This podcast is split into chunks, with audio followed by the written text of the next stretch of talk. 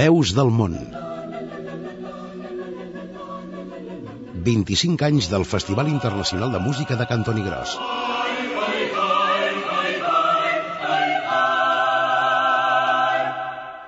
Amb Anna Jové i Albert Torrents. És un plaer tornar sent tots vosaltres a l'hora de començar un nou capítol de Veus del Món, disposats a parlar una estona més del Festival Internacional de Música de Cantoni Gros i, sobretot, a sentir-ne la música.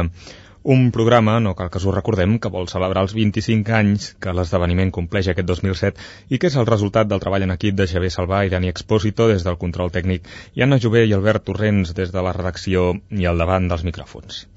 Avui volem que ens parlin del festival Veus que normalment no relacionaríem amb Cantoni Gros ni tan sols potser amb el cant coral, personatges populars o d'una certa rellevància dels àmbits de la cultura, dels mitjans de comunicació o de disciplines artístiques que no són la música i que malgrat això, malgrat aquesta aparent distància, coneixen el festival de Cantoni Gros pels motius més diversos perquè hi han anat, perquè els ho han explicat o simplement perquè viuen o han nascut a Cantoni Gros o la seva comarca.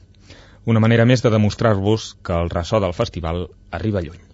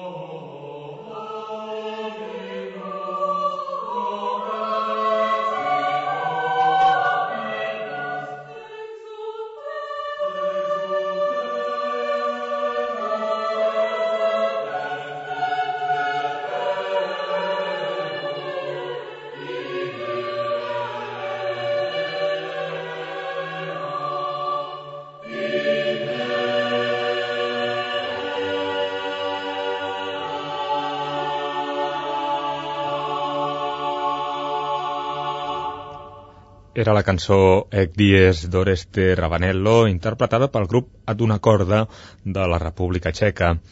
I tot seguit donem veu al primer testimoni del programa d'avui, una persona especialment lligada a Cantoni Gros, el poeta Joan Triadú. A Cantoni Gros hi ha una certa tradició, podríem dir-ne cultural, que ve en part, encara que sembli estrany, de la medicina. Perquè Cantoni Gros és un indret on eh, des de principis del segle passat, com a mínim, ja hi enviaven persones convalescents o malaltes del pit, o sigui, de coses de bronquis o fins i tot tuberculosi, i eh, encara que això sembla res a veure, aquestes persones solien convertir-se en persones més culturals perquè s'entretenien llegint, conversant, fent tertúlia... Bé, jo vaig anar-hi per això. Joan Triadú va arribar a Cantoni Gros a la recerca d'un clima més sec que el de la seva població, Ribes de Freser, per guarir-se d'una malaltia respiratòria. El poeta explica que un cop al poble, diverses persones amb inquietuds intel·lectuals que es trobaven en la seva mateixa situació van donar origen a iniciatives com les festes literàries de Cantoni Gros, que promovien les obres en llengua catalana en ple franquisme, i molts anys més tard, i de la mà de Josep Maria Busquets, el Festival Internacional de Música de Cantoni Gros, un espectacle que Joan Triadú coneix bé. Estic a Cantoni el juliol i l'agost, i això es fa per juliol, i procuro sempre anar-hi. Ara ja, eh, en aquests últims dos anys o tres, doncs ho he tingut difícil perquè per la meva edat i, i tot això. Però ho considero una cosa pròpia, cosa meva, i la meravella és que hi hagi tanta gent, tants, tantes famílies que tinguin algun cantant o una persona dels organitzadors estrangera que la tenen a casa aquells dies, alguns a, a quilòmetres lluny, que han d'anar i venir sempre. Però hi ha un bon humor, un bon ambient, no hi ha hagut ni el més petit incident que jo sàpiga, i en canvi doncs el nom de Cantanera va per tot el món i el poble doncs ho considera en general, sempre n'hi ha que, que no n'estan tant, com una cosa pròpia. Per aquest motiu, Joan Triadú se sent molt lligat a Cantoni Gros, el poble que no només l'ha acollit com un dels seus, sinó que ho ha fet saber públicament. A mi m'han fet fill adoptiu, perquè jo soc de Ribes de Freser, i la malaltia de què li parlava em va portar a Cantoni Gros perquè van dir que Ribes de Freser era massa, massa humit, amb els rius que passen per allà, que són tan bonics i i fan tan goig, però no són bons, sembla, en aquell moment que no hi havia antibiòtics, l'únic que hi havia era, era un clima més aviat sec i ventejat. I jo em sento agraït a Antoni Gros, vaig fer un llibre mm, que es titula El Coll Cabra, dedicat en aquella època de la meva vida, mig, mig contemplativa, en què vaig poder recórrer la comarca, i llavors el poble doncs, sempre hi ha estat en contacte i hem fet una sèrie d'altres actes quan s'has caigut i en fi doncs eh, estic molt lligat a, en aquest sentit a Cantoni i espero estar encara algun any més. Alleluia, alleluia,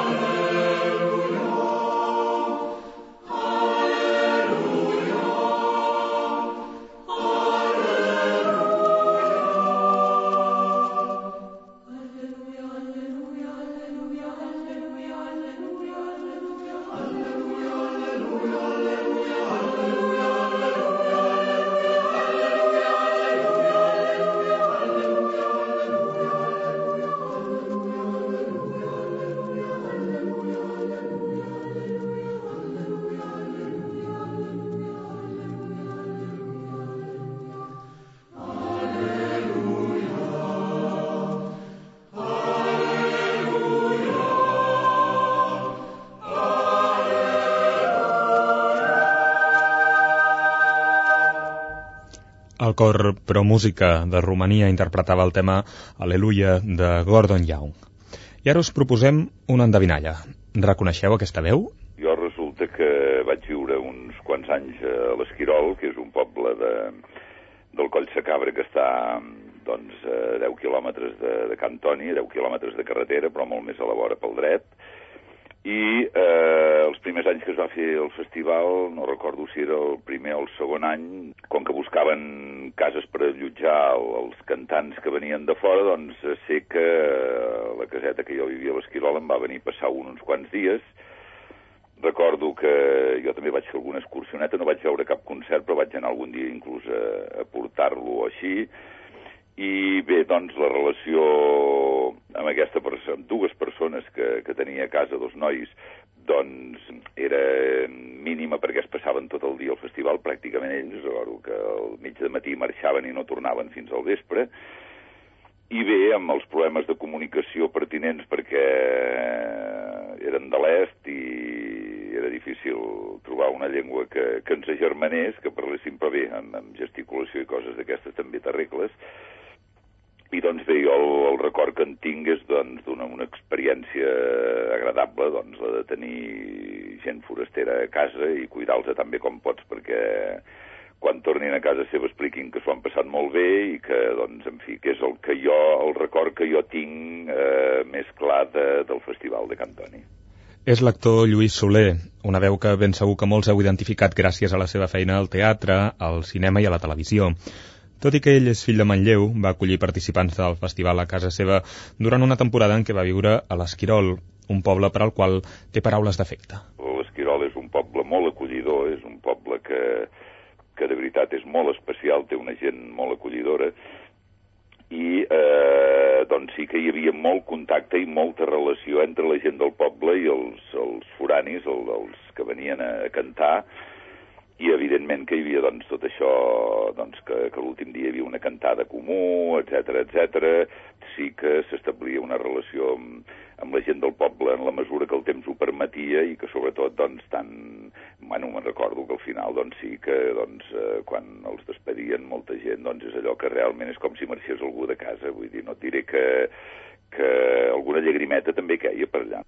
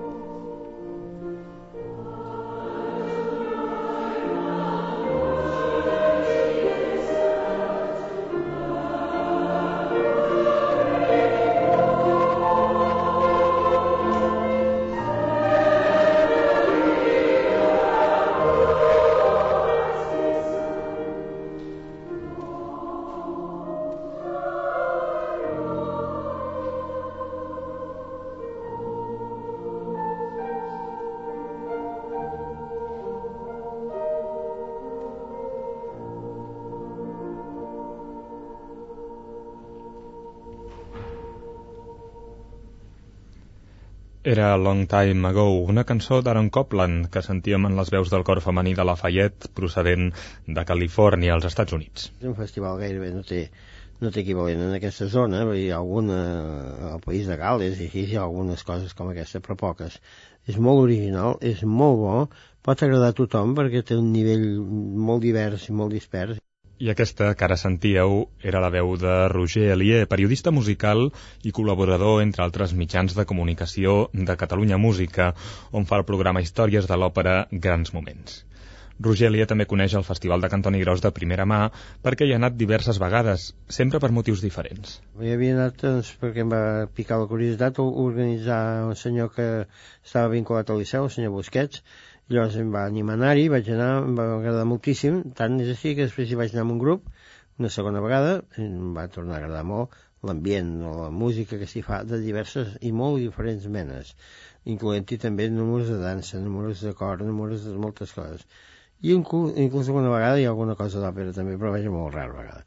I després encara hi vaig anar una, una tercera vegada, vaig quedar molt satisfet, i vaig fer una crítica per la Vanguardia un parell de vegades aquestes que hi he anat i després, esclar, per les dificultats de transport, i també que és una època que jo començo ja a tenir um, festivals o viatges a altres llocs, doncs no hi he pogut tornar. Tot i que l'àmbit musical en què Roger Alier és especialista és l'òpera, el seu coneixement de les veus i el repertori vocal també li ha servit per apreciar la qualitat que mostren els grups corals i de dansa que participen en el festival.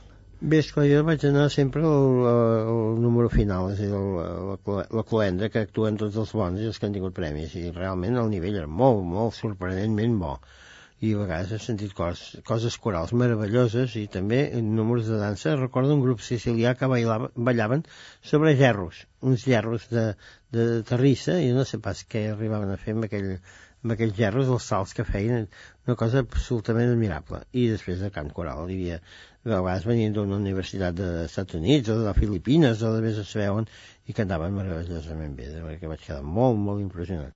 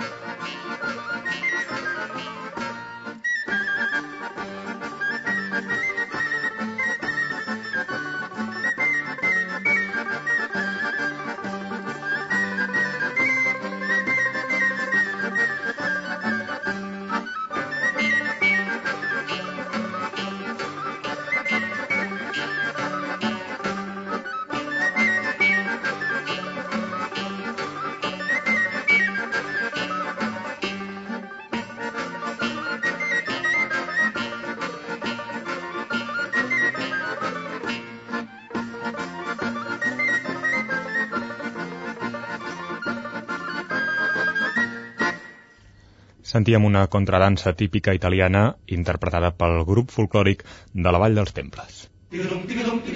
Veus del món. Un programa de Catalunya Música per celebrar el 25è aniversari del Festival Internacional de Música de Cantoni Gros.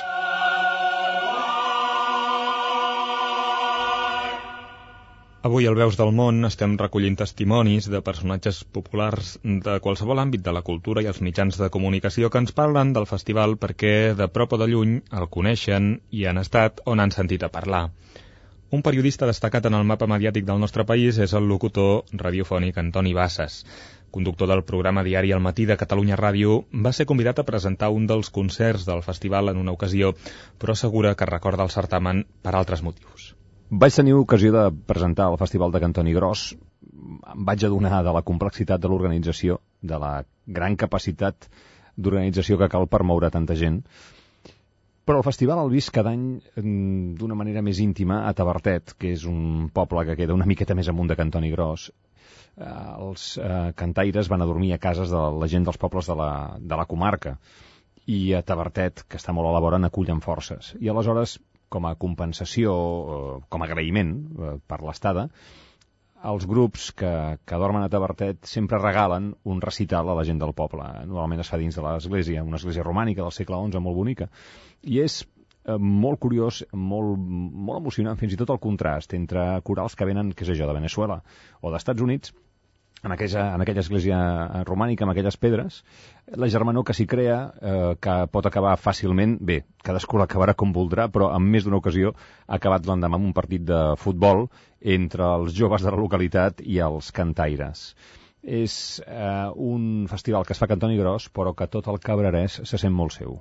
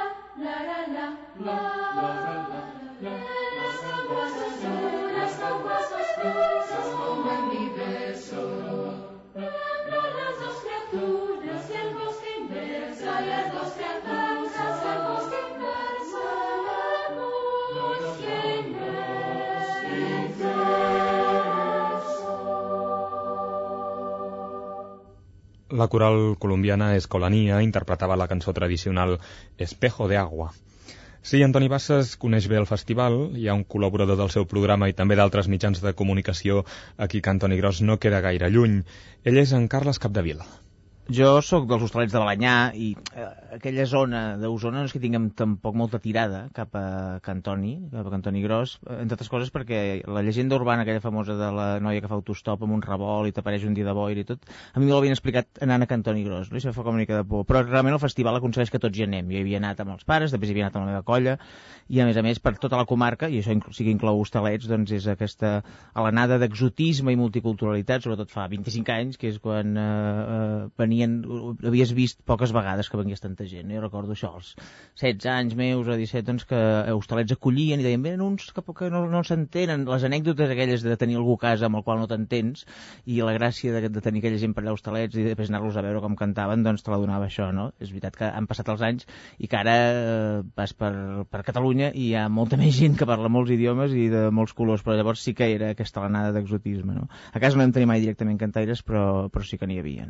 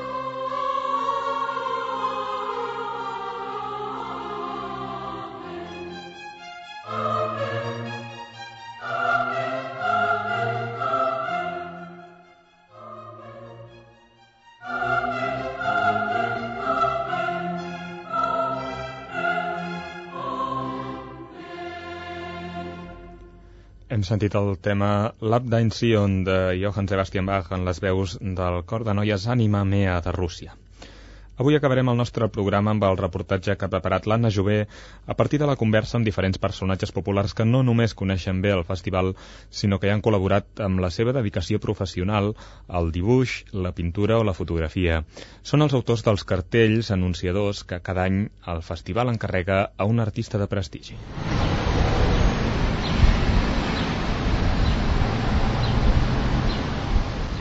Ens trobem a peu de carrer i ens disposem a fer un petit estudi. Els entrevistats hauran d'escollir un dels 25 cartells que estan reproduïts a petita escala a la cartolina que els ensenyem. Cadascun d'ells pertany a una edició del Festival Internacional de Música de Cantoni Gros. I l'objectiu és saber quin és el que més bé comunica el caràcter universal del certamen des dels inicis. M'agrada més el que té el, sol aquest, que em sembla que és un sol, d'acord, de Cantoni Gros, m'agrada perquè li dona una mena de... Doncs, diferent a tots els que estic veient, no hi ha cap persona, sembla que és un objecte en moviment, li dona... té coloració, és impactante, es veu a primera vista. I què anuncia aquest cartell? El Festival Internacional de Música de Cantoni Gros, no? Què et pot donar la sensació que és? De mu musical veig que hi ha un sol que està com en moviment, que està cantant, podria estar ballant, no sé, li dona una mica de, també de fortalesa, amb les flames aquí sortint-la.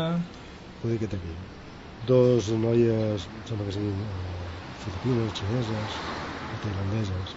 El colorido, vull dir l'expressió de les dues noies, estan agafades, vull dir, unes sonrises les dues molt, molt maques. A més, dona, dona una imatge de, de la internacionalitat del festival. Bueno, que anuncia el Música es veu, no? Un festival aquest. Què hi ha a la portada? Una guitarra, ¿no? Sembla, o una guitarra así abstracta, tipo como el mariscal y así. I anuncia un festival de... De música. O a mi el que me... Este sí. coros también está bien. A mi el que més m'agrada és aquest, eh? El que posa Setze Festival, dos noies que són com tailandeses o alguna així que, que estan cantant. I llavors a tu què, què et suggereix de què deu ser aquest festival de música? Sí, sí, de música, de gent que ètnica. canta, exacte. Ètnica, sí, sí, clar. De gent que canta d'arreu del món, sí, sí. Ah, duro, duro, duro, duro, tai, gusta che bella non mimosa mai. Mezzo mimosa,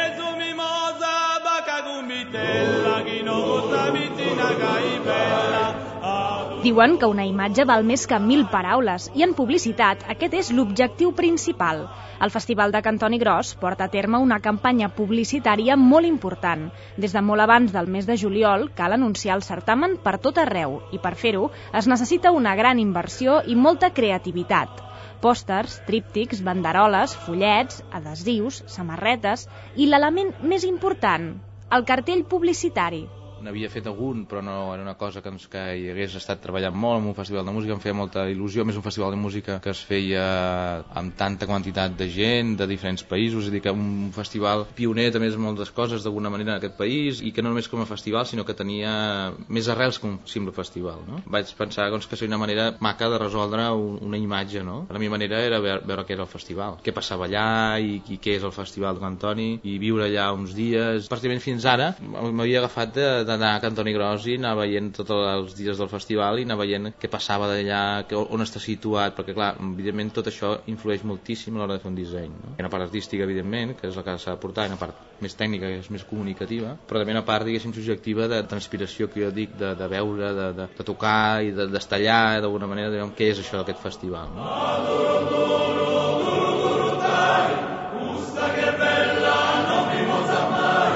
Jordi Casas és un dels dissenyadors gràfics del Teatre Nacional de Catalunya, però des de l'any 1996 el destí i la seva afinitat amb el projecte de Cantoni l'han portat a col·laborar amb el festival.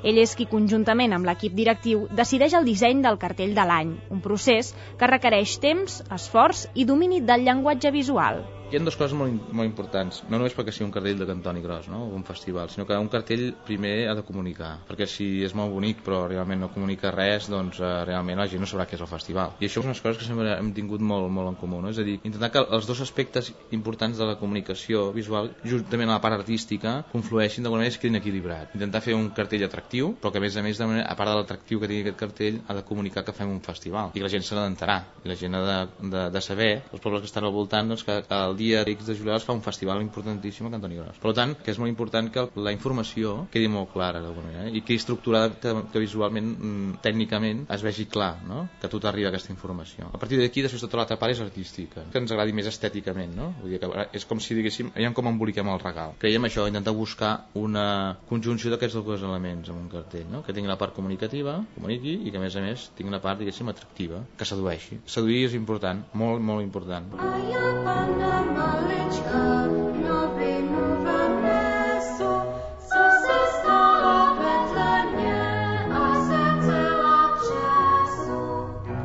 Abans que en Jordi passés a ser el creatiu gràfic del festival, Pere Artís s'encarregava de fer la seva tasca. Eren temps ben diferents als d'ara. Als 80 les tecnologies no estaven gens desenvolupades i la majoria de la feina era manual, però malgrat les grans diferències tècniques, el procés creatiu sempre ha estat el mateix. Els processos són totalment diferents en cada un dels cartells, no? O sigui, a vegades fer un com d'aportació d'idees, no? És a dir, que ens sentem un dia i comencem a pensar i a dir coses i, i quines sensacions tenim per aquest festival i està molt bé perquè és un, és un procés que jo trobo que és molt maco, perquè és el més interessant, de fet, no? Després, un cop el cartell és de fet, ja d'alguna manera ja te l'has oblidat, no? O sigui, el cartell, dintre la part de la creació, que és la part maca, que a mi m'agrada, després, d'alguna manera, és muntar els elements dintre el cartell, no? Vull dir, les tipografies, la lletra, la informació, les dates, tot això és, és composar, diguéssim, no? Com, com el que composa una, una, nota musical, no? Però això és el mateix. De fet, clar, és com que si creéssim la partitura nova, no? Que això és més interessant. Hem de crear una peça per tocar, d'alguna manera, no? Pot ser, doncs, aquest any doncs, tenim un material fotogràfic, o tenim un material, eh, no sé, tenim un material pictòric, o podríem fer-lo d'alguna manera, saps? Llavors, per això d'alguna manera cada any sorgeixen d'aquestes converses, sorgeixen idees diferents per anar enfocant d'alguna manera el cartell que serà l'any vinent, no? En alguns hem col·laborat amb, amb, amb il·lustradors, com la Pilar Vallès, que són extraordinaris il·lustradors d'aquest país i que a vegades, clar, que, que la feina del dissenyador també és això, no? intentar d'alguna manera composar un material i veure quin material és el més idoni. No? La primera vegada que em van encarregar un cartell em va fer molta, molta, molta il·lusió i a més a més hi havia la possibilitat de reproduir una mica els vestits que jo havia vist en els concerts, que des del punt de vista plàstic no podia reproduir la música, però aquells vestits també valien molt la pena.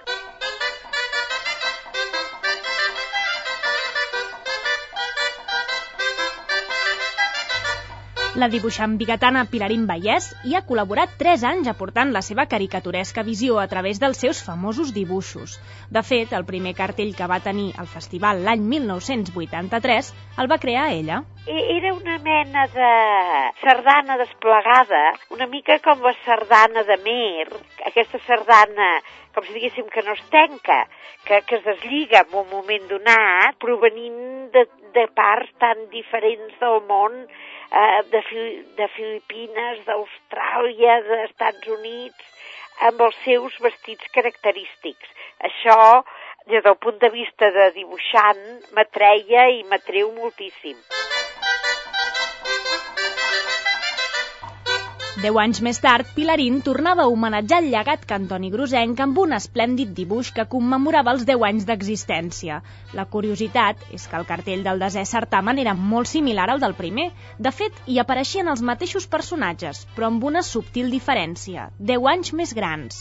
Així doncs, el marrec de la barretina que encapçalava la sardana al cartell del 83 L'any 1993 ja era tot un jove ben plantat. Aquest primer segur que era el patufet, segur que devia ser alguna mena de vocació, encara que fos subliminal, a la figura del patufet, que jo és una figura que me l'estimo moltíssim, la figura del patufet, perquè trobo que ens retrata moltíssim sociològicament. Eh, esclar, ja tots havien crescut una mica, tots havíem crescut una mica, si ho diem sincerament, perquè naturalment la primera que havia crescut fins a fer-me una mica vella sóc jo mateixa.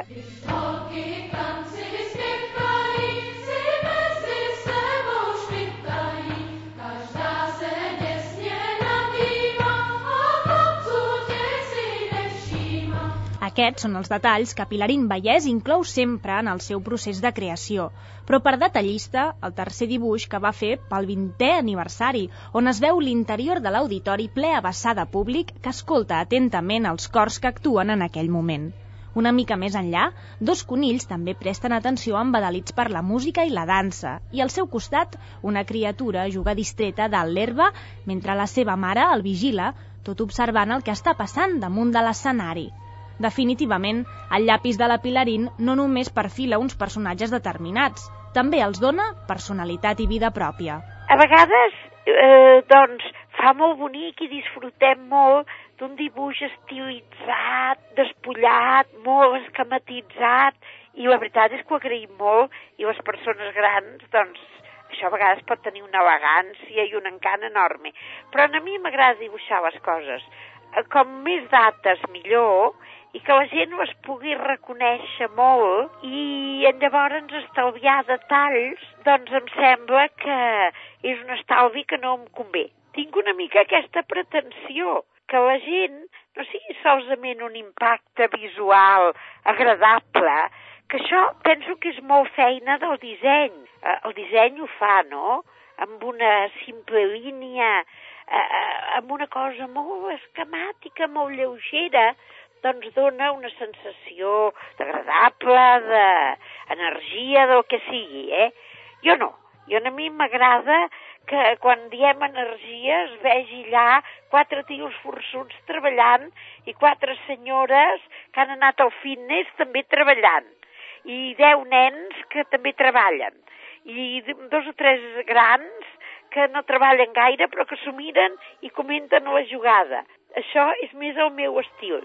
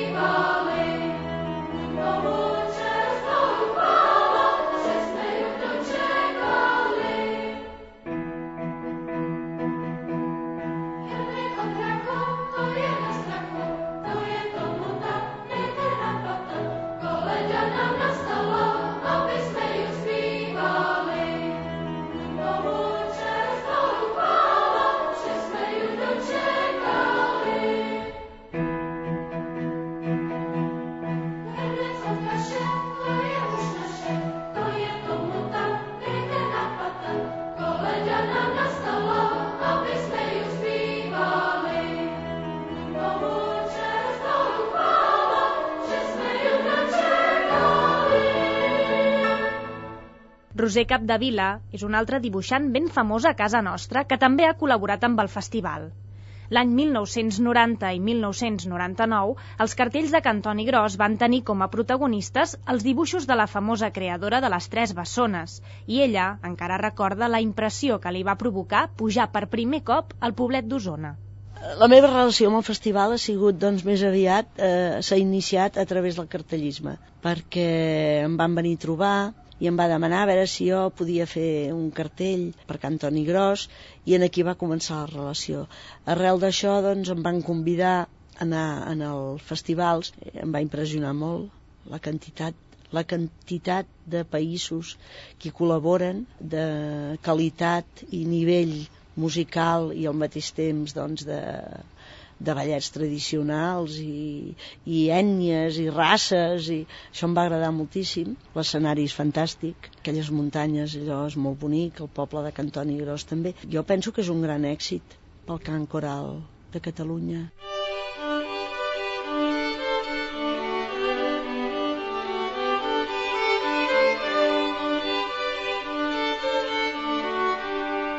Cadascun dels dos cartells que va dibuixar tenen una estètica i una originalitat pròpies. Tot i ser ben diferents entre ells, mantenen una mateixa línia argumental, la música coral. Era una bola del món amb tot un, un grup de cantaires i el segon era un cartell on la part de dalt només es veien tots els peus i les cames i la part de baix els caps i al mig el director i un ocellet. Aquest a mi em va agradar. Vaig trobar que no era agobiant perquè a vegades els cartells s'han de fer que no siguin agobiants però que transmetin el que volen dir. Ha de ser gràfic, no? que no calgui llegir. Que llegeixis quan vulguis tenir una informació molt concreta.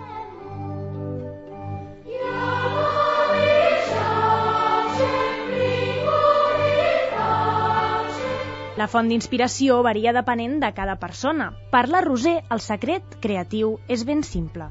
Mira, va ser el que faig servir jo sempre, anar-ho ficant aquí dintre, anar-ho pensant, que en surti la plof, la bombeta, idea lluminosa, i, i anar-ho transmetent a través del braç, els dits, la mà i el, el paper i el llapis. I com que jo també estic vinculada no d'una manera activa al món coral, perquè els meus germans tots canten en corals i les meves filles també havia cantat molt l'Helena, doncs la música coral m'agrada molt, molt, molt. I trobo que la veu humana pot fer-te sentir sublim, eh? Tot això ajuda, no?, a l'hora de, de fer un cartell ajuda perquè tens les idees de lo que has viscut, de lo que veus i, i de lo que sents quan escoltes la música. Bom, bom, bom,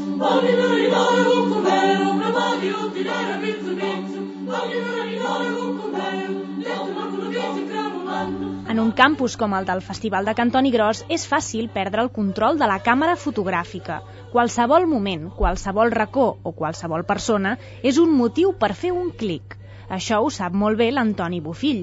És fotògraf i fa molts anys que treballa en el sector cultural veient òperes del Liceu i obres del Nacional a través de l'objectiu de la seva càmera. No, aquest muntatge no me l'imaginava. Ja hi havia vist altres coses així, perquè esclar, la meva vida ja és bastant extensa amb la qüestió fotogràfica i per tant he anat veient ja coses i no et sorprèn, segons que no et sorprèn, et sorprèn aquesta part humana, no? Això sí que, perquè n'hi ha poca, i llavors quan vas veient tot això que no en queda gaire, dius, això t'agrada, no? I la gent es saluda i la gent ja... I llavors l'impacte va ser aquest, no? I vaig veure l'organització i el moviment que es porta, que es porten allà. Jo intento buscar, primerament, mm, una cosa és si faig un treball per mi i l'altra si és un treball que ha d'anar en col·laboració amb altra gent o destinat a un fi determinat. No? Llavors, normalment pues, parlo amb les persones que han d'anar per a aquestes fotos, llavors jo eh, parlo, veig aviam el, el fons que, li, que, que tenen, aviam què és el que volen, què és, eh, si hi ha alguna cosa interessant, per quin camí puc tirar, perquè potser jo estic tirant per un camí meu molt interessant i que m'agrada molt i que m'entusiasma, però en canvi de, de cara a l'organització no, no pot tindre i com a mi m'interessa doncs, les dues coses i a més a mi m'il·lusiona molt poder contentar a, a la gent, no? que el treball que faig no tan sols sigui bonic per mi, sinó que pugui agradar als demés i que sigui el que vol, volen els demés i aconseguir el que volen. No? Dum dum dum dum dum Les seves fotografies han decorat 4 dels 25 cartells del festival.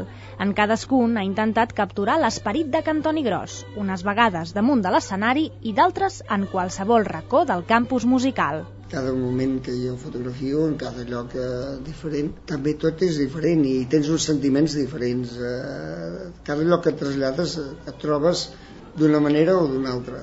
I també depèn del dia no? però normalment et transporta jo em deixo transportar molt per la situació pel moment. I Cantoni Gros és molt la, la part de colorit. I l'ambient en si ja transporta aquell i ja t'agrada. I llavors veus no sé, unes noies que, que surten, ha uns nois que, que estan fent les seves brometes i mirant a les nenes aquelles que van a actuar i que se les miren entusiasmats. I, i, i perquè clar, és el colorit, és la, la gent va preparada per, per, per l'actuació i, i a més a més tenen els nervis, els nervis i els nervis també es transporten en, en el públic i en la gent que estem al costat. I això és el que a mi a mi m'atrau i és el que em fa també que pugui fer. Llavors les fotos cada personatge que surten a la fotografia o que surten a, a actuar, els que surten a actuar, pugui plasmar el que ells volen donar al públic i és el que busco sempre, que aquesta persona pues, està donant molt i està demostrant el que, el que és i el que vol passar al públic i llavors jo haig de plasmar aquella, aquella imatge, aquell sentiment i que es vegi en la fotografia amb el colorit, amb el moviment determinat i el sentiment que posen a la cara, que això és molt important.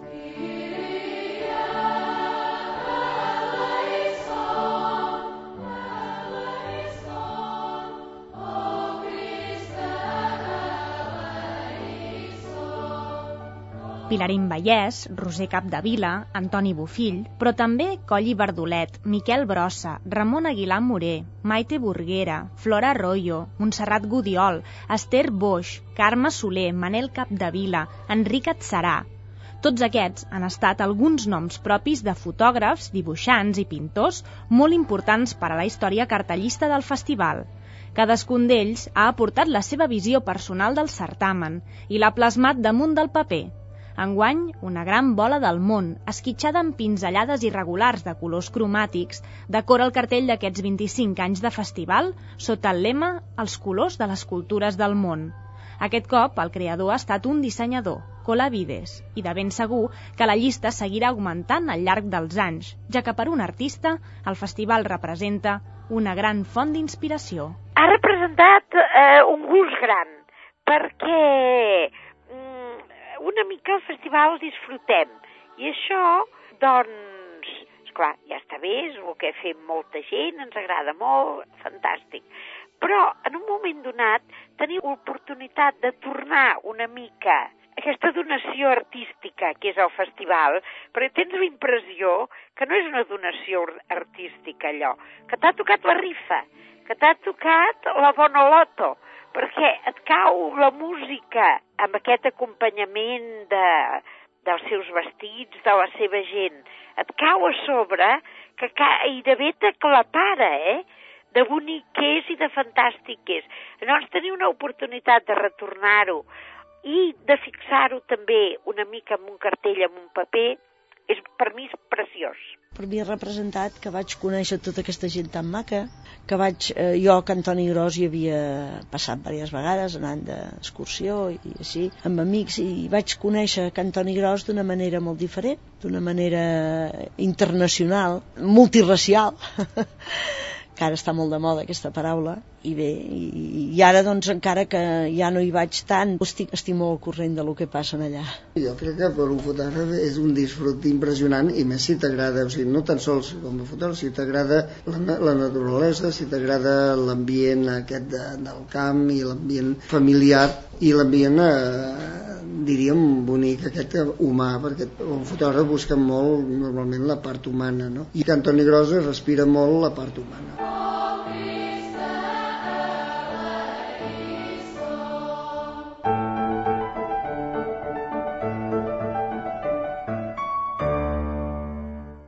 Amb el reportatge de l'Anna Jové, que avui ens ha volgut acostar la descripció d'un element tan visual com els cartells, avui esgotem el nostre temps.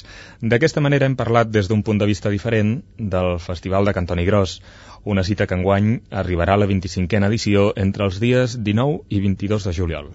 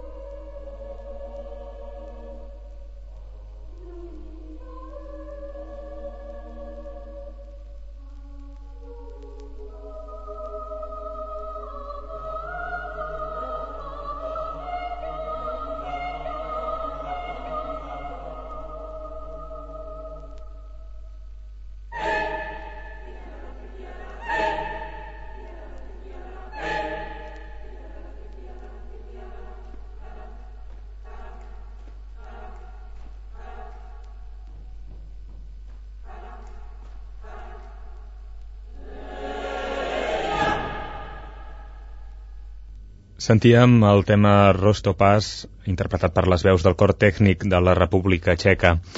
Nosaltres ho hem de deixar aquí, no sense abans agrair-vos la vostra companyia i acomiadar-nos els que hem fet aquesta edició de Veus del Món.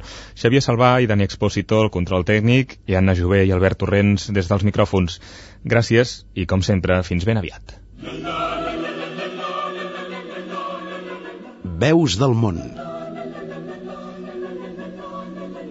25 anys del Festival Internacional de Música de Cantoni Gros.